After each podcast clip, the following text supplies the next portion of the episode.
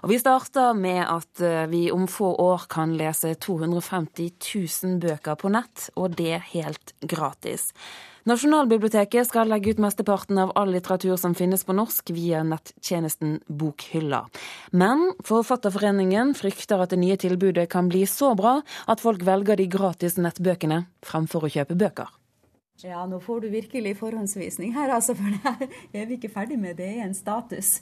Og hvor du vil se enda sterkere enn i dag at når du kommer inn på nb.no, som er Nasjonalbibliotekets hjemmeside, så er det første du kommer på, det er hvordan du kan gå direkte inn i det digitale. Nasjonalbibliotekar Vigdis Mo Skarstein viser fram det som skal bli den nye bokhylla på nett. Nasjonalbiblioteket digitaliserer stadig flere papirbøker, og nå vil de gjøre dem tilgjengelige for alle. Jeg håper jo at den vil bety uh, lettere tilgang og økt oppmerksomhet for norsk litteratur. En modernisering av måten det norske folk uh, får uh, opplevelser via norsk litteratur på. Avtalen som ble signert i går mellom Nasjonalbiblioteket og opphavsrettsorganisasjonen Kopinor, gjør at du snart kan lese 100 000 bøker helt gratis på nett. Innen 2017 skal det finnes 250 000 titler i det digitale biblioteket. Fem ganger så mange som i dag. Det er mesteparten av all litteratur, norsk og oversatt, som er gitt ut i Norge før år 2000. En unik avtale, mener Skarstein. Vi kjenner ikke til at det finnes noen andre steder. Bokhylla.no har fått kritikk for å være lite brukervennlig. Men nå forsikrer Skarstein at bøkene skal bli både mer behagelige å lese og mer tilpasset nettbrett. Det bekymrer Sigmund Løvaasen, leder i Forfatterforeningen. Om bokhylla blir for bra, frykter han at den kan friste leserne til å velge gratisbøkene på nett framfor å kjøpe e-bøker. Det taper forfatterne på. Vi vil følge veldig nøye med i åra som kommer, for å se om det her um, er noe som uh, kanskje da konkurrerer ut en del kommersielle digitale um, salgskanaler. I 2012 så skulle det bare mangle at uh, uh, bibliotekene skal ha digitale løsninger. Ehm, men eh, vi er, en, eh, vi er, næringsdrivende i et bokmarked, og nyskaping av litteratur er helt avhengig av forfatters inntekt. Men forfatterne har rett til å trekke bøkene ut av bokhylla om de skulle tape penger, forsikrer Yngve Slettholm, administrerende direktør i Kopinor. Han har forhandlet fram avtalen på vegne av forfatterne og forlagene. I så fall så blir det opp til forlag og eventuelt forfatter å trekke boka hvis den er i konkurranse med salg. Og Det er det full anledning til i, i, forhold til avtalen. Men i og med at dette er såpass mange gamle bøker det er snakk om, så ser jeg vel egentlig ikke den store faren for at avtalen blir undergravd på den måten. Sigmund Løvaasen tror foreløpig folk vil bruke bokhylla til å søke etter litteratur. Men han tror forfatterne vil bruke retten sin til å trekke bøker om folk bruker bokhylla framfor å kjøpe bøkene. Da har vi et problem hvis, hvis det skulle skje i, i framtida. Og da vil vi nok se ganske massiv uttrekning av, eh, av verker fra bokhylla.no. Vigdis Mo Skarstein sier ordningen er avhengig av at forfatterne og forlagene vil være med. Ja, hvis det blir færre titler å, tilby, eh, så er det klart at eh, det vil jo svekke totaliteten. Og Nasjonalbiblioteket regner med å betale mellom 8 og 9 millioner kroner neste år for retten til å gjøre bøkene tilgjengelige. Reporter her, det var Ida Kvittingen. Knut Olav Åmås, du er kultur- og debattredaktør i Aftenposten. Hvordan ser du for deg at folk kommer til å bruke denne nye bokhylla? Jeg tror først og fremst det kommer til å være et veldig godt tilbud til eh, viderekomne skoleelever, til studenter, kanskje til forskere. For det er et faktum at man nå for første gang får eh, i løpet av de neste fem årene nå hele den eh, norske eh, bokutgivelsesfloraen tilgjengelig digitalt fra 1900 til 2000, eh, altså.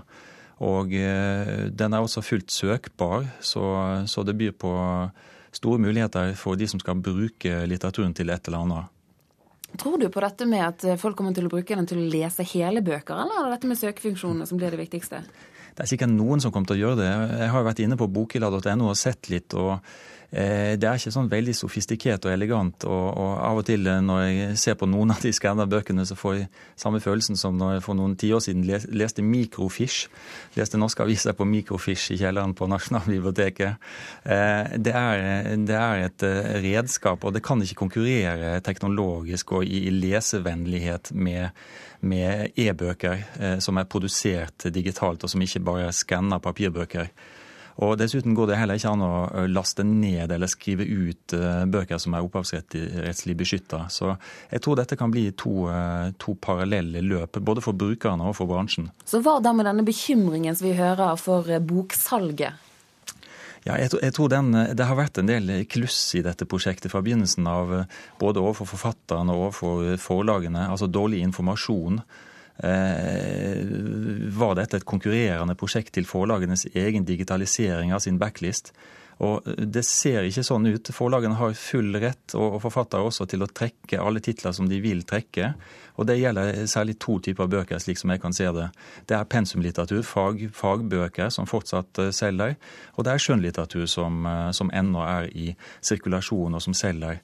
Og, og uh, Noen tusen av disse titlene er allerede trukket fra bokhylla også, og det er fornuftig. Fornuftig. Men ja. altså, hvorfor tror du forlagene har gått med på å distribuere alle disse bøkene så billig? Det er fordi, eh, som Yngve Slettholm, eh, som ikke bare er leder i Norsk kulturråd, men også direktør i denne opphavsrettsorganisasjonen Kopino sier, 99 eh, av bøker utgitt før år 2000 i Norge er, er nå kommersielt uinteressante. Altså, Det er ikke noe særlig å tjene på de lenger. Og Slik sett så er dette bokila.no en, en, god gjenbruk, eh, som da vil føre til 8-9 millioner foreløpig da i, i, vederlag til forlagene og forfatterorganisasjonene, som altså vil bli eh, distribuert ut igjen i, eh, honorar, i, i stipender unnskyld, til, til, forfattere, ikke minst. Så er, vi utnytter det som det som i den digitale verden kalles den lange halen. Det at mange er interessert i et eller annet sært eller spesielt som ikke ellers er tilgjengelig. Og Vi har jo antikvariatene og vi har bibliotekene, men uh, i 2012 og framover så må vi ha dette digitalt tilgjengelig også. Det, det, det får vi nå. Knut Olav Åmås, takk for at du var med oss her i Kulturnytt. Den nye bibeloversettelsen har blitt en økonomisk suksess. Regnskapet for i fjor viser at Bibelselskapet økte salgsinntektene med 205% Salget av Bibel 2011, som ble lansert i oktober, utgjorde en fjerdedel av salgsinntektene. Pengene skal bl.a. brukes til arbeidet med en ny bibel på sør- og nordsamisk, det skriver Vårt Land. Spillselskapet Funcom gjør nå store nedbemanninger etter at deres nye spill The Secret World ikke har slått an som forventet. Mens over 200 ansatte jobbet ved selskapets Oslo-kontor tidligere, så er det nå bare 35 personer igjen. Funcom tapte 277 millioner kroner i andre kvartal, det skriver Dagens Næringsliv. Filmfestivalen i Venezia starter i dag, og blant filmene det knyttes største, eh, de største forventningene til, det er To the Wonder av Terence Malick, regissøren som i fjor vant Gullpalmen i Cannes. Også Paul Thomas Anderson, som med There Will Be Blood laget en av 2000-tallets mest kritikerroste filmer, stiller i hovedkonkurransen. Hans nye film heter The Master og har en rekke paralleller til scientologikirken. Den første boken i trilogien Fifty Shades kommer nå på norsk. Bøkene har allerede fått massiv omtale i norske medier gjennom sommeren. På engelsk så har de solgt raskere enn Harry Potter. Det er ikke erotisk litteratur i seg selv som har blitt en trend, det er måten de blir solgt på som er trendsettende. Det mener norske forleggere. Arild Rekdal forbereder seg på storinnrykk. Han er innkjøpsansvarlig for skjønnlitteratur hos Tanum bokhandel på Karl Johans gate i Oslo, og stabler rykende ferske eksemplarer av storselgeren Fifty Shades på et sentralt plassert bord. Den norske utgaven har han hatt i bare noen få timer, men han forventer et godt salg. For det er klart det er mange som, både mange som har spurt etter norsk, eh, om den finnes på norsk. og og ja, mange foretrekker nok å lese den på norsk, vil jeg tro. For det, det er ganske forskjellige typer kunder som, som kjøper. Den erotiske trilogien Fifty Shades av briten E.L. James har gått som en farsott gjennom Sommer-Norge og blitt behørig omtalt i avisene. Bøkene har solgt mer enn 40 millioner eksemplarer på engelsk. Nå gir Gyldendal dem ut på papir på norsk. Men erotisk litteratur er ikke noe nytt fenomen her i landet. Årets suksess er imidlertid kraftig, sier forlegger Arve Juritzen. Nei, Jeg vil jo da skryte litt og si at vi var foran bølgen, kanskje. da. Det var jo vi som ga et sex i Bibelen av eh, Einar Gelius og viste at erotisk litteratur går jo helt tilbake til Det gamle testamentet. Så det er jo ikke akkurat noe nytt med erotisk litteratur. Men det er klart, eh, denne bølgen her er kraftig. Også Kagge forlag håper å dra nytte av at det er i ferd med å bli stuerent å lese erotikk, sier forlagssjef Anne Gårdhaug. Jeg er ikke overraska over at verken stortingspolitikere eller andre leser uh, denne type litteratur. Uh, det er forskjell på det òg. Det er ganske stor forskjell på å kjøpe litt sånn råbarka porno uh, og kjøpe erotisk litteratur med gode litterære kvaliteter. Den erotiske bokbølgen tror Arild Rekdal hos Tanum handler mer om holdningen til bøkene enn det at de selger godt. Folk er ikke flaue i det hele tatt. Det merker vi godt på den engelske utgaven. Kanskje en ny, ny trend, muligens, som uh, at det blir, uh, det blir uh, bøker for, for allmenne lesere. Hvorvidt nordmenn ikke lenger er så blyge, skal nå Kagge Forlag teste ut. Og Det er jo derfor vi også velger å relansere eh, Kagges pornografiske klassikere på e-bok først. De kommer i papir i midten av september, men nå prøver vi eh, tre uker før papirutgaven å lansere fire av disse bøkene i e-bok. Når det gjelder Alexia Bovim, 'Golddigger', så gjør vi det samtidig. Så for oss så blir det en veldig interessant prøve, da. For Arve Juritzen er spenningen rundt Fifty Shades ikke knyttet til innholdet, men til måten bøkene er blitt populære på. Han mener det bør være en vekker for den norske bokbransjen. Nei, jeg tror at Det mest interessante med Fifty Shade-fenomenet er jo at det oppsto elektronisk. Eh, dette var bøker som var selvpublisert av forfatteren. Elektronisk fantes ikke i papir. Og de har jo store deler av disse mange millioner bøkene har jo solgt elektronisk. Og Det er en glitrende bok da, å lese elektronisk. Det er ingen som ser hva du sitter på bussen eller trikken og leser. Så jeg, jeg syns det er mest eh, fascinerende med dette, er at det er et tydelig signal på at nå må vi ta e-bøker på alvor, også i Norge. Hvis ikke så lærer vi opp en hel generasjon til å lese bøker på engelsk. Det sa Arve Juritzen til reporter Thomas Alverstein Ove. Anne Schäffer, du er litteraturanmelder i Bergens Tidende og i magasinet Tara, og du stusser litt over at Gyldal velger å gi ut denne Fifty Shades-serien. Hvorfor det? Eh, det jeg stusser over, er at det er Gyldendal som gir det ut. For det, den type litteratur er jo ikke noe nytt. Det, eh, vært, altså det er det vi vanligvis kaller for populær litteratur. Trivial litteratur, kiosklitteratur. Og tidligere har man jo uh, distribuert det via forlag som Bladsentralen og, og seriebøker kommer ut på sånne steder. Og nå er det Gyldendal, og da stusser jeg litt fordi det er ikke De merker det ikke som populær litteratur, men uh, F.eks. de merker det som erotisk eskapisme, hva nå det er for noe. Så mm, det er vel egentlig det jeg stusser over, hvor det gis ut. Eh, vi skal da spørre redaksjonssjefen i Gyldal, Katrine Bakke Bolin. Hvorfor velger dere å gi ut denne serien? Det er flere grunner til at vi har valgt å, å, gjøre det. Eh, vi er veldig innforstått med at ikke det er en eh, fremtidig nobelprisvinner vi har å gjøre med her. Eh, og det stemmer jo at ikke vi har noen tradisjon på Gyldendal for å gi ut ren erotisk eskapisme, som jeg kaller det, som er tenkt å skulle forføre mer enn å utfordre. Eh, men samtidig så er det slik at vår liste, og den er omfattende Vi jobber bredt innenfor veldig mange uh, sjangre med kvalitetslitteratur og med det kommersielle. Det har vi alltid gjort. Vi ser at her er det et uh, fenomen som er så stort, som er så interessant.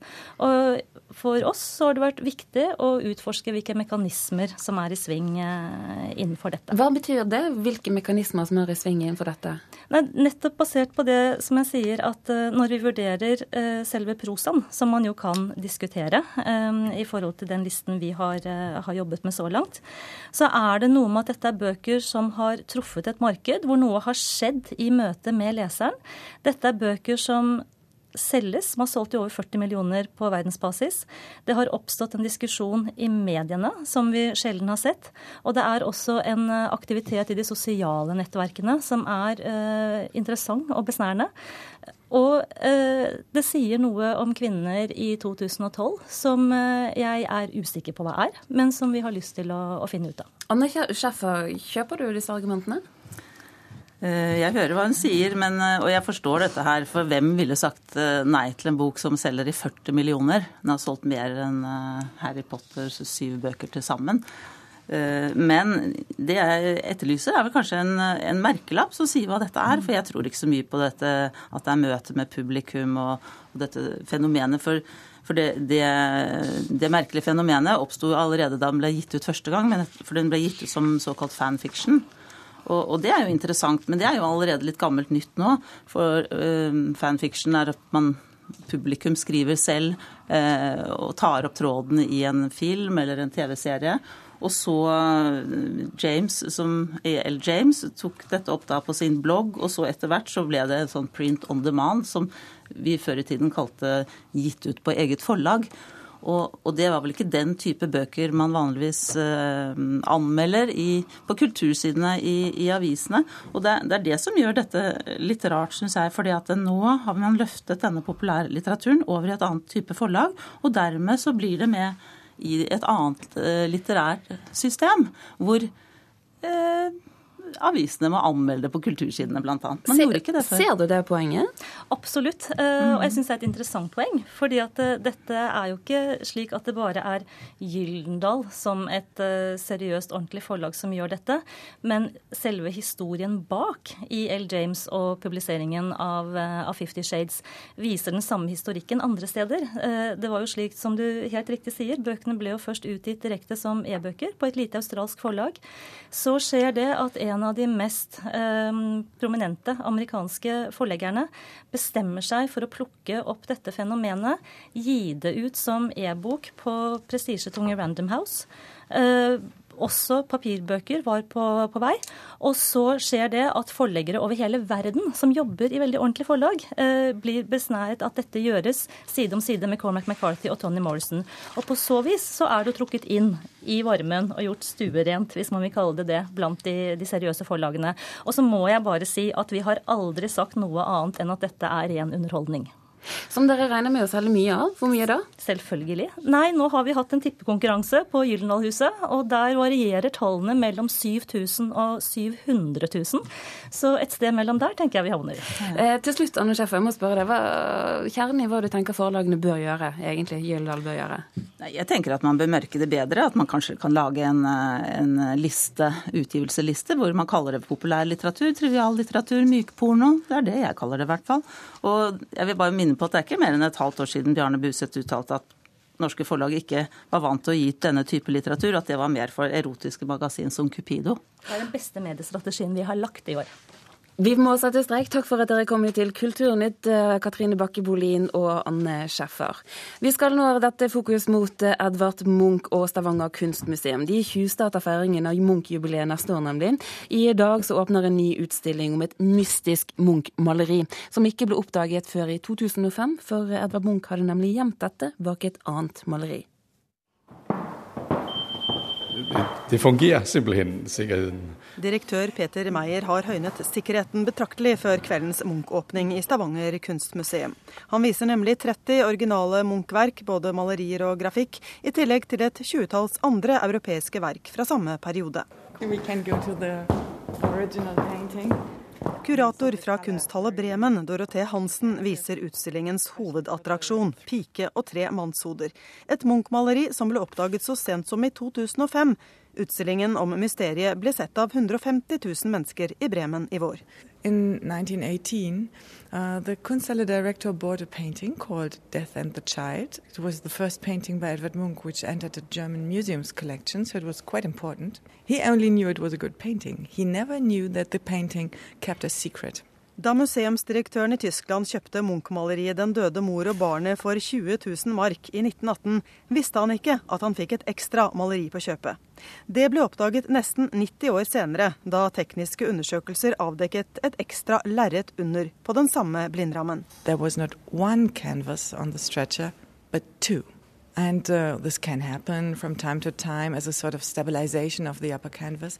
But in this case, there were some uh, traces of color at the edge. And what we did, we took an X-ray, and you can see the original X-ray here in the exhibition. Røntgenundersøkelsene ga ekspertene hakeslipp, forteller Hansen. Det var nemlig ikke bare et blankt støttelerret, men et hittil ukjent Munch-motiv av en naken ung kvinne og tre truende store mannsansikter i sterke farger. The whole composition is unique, but the single motives of uh, the painting are very familiar in Munch's work. But why did he do this? Why did he put yes. this painting behind another painting? There are two general uh, answers to this question. One, he was short of material, and the other one, he wanted to hide or to destroy this picture. Hansen tror Munch brukte maleriet på denne måten delvis fordi han trengte et støttelerret, og delvis fordi han var misfornøyd med det symboltunge motivet, som han trolig holdt på med i flere år mot slutten av 1890-tallet.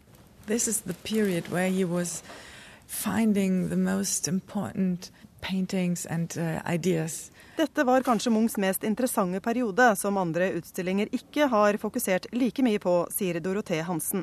Og kurator i Stavanger, Vibeke Salte, er enig. Jeg syns det er viktig fordi den viser en side av Munch som ikke blir så ofte tematisert. Eh, og så blir den også satt litt mer inn i en europeisk kontekst. Og så viser den et bilde som man må til Bremen for å se, og som virkelig er en skatt og en gåte. Og som viser en, en eh, prosess som Munch har vært oppi, eh, hvor du på en måte kan spore hvordan han har jobbet. Og så er det ja, et spennende bilde i seg selv. Reporter i Stavanger, det er Anette Johansen Espeland.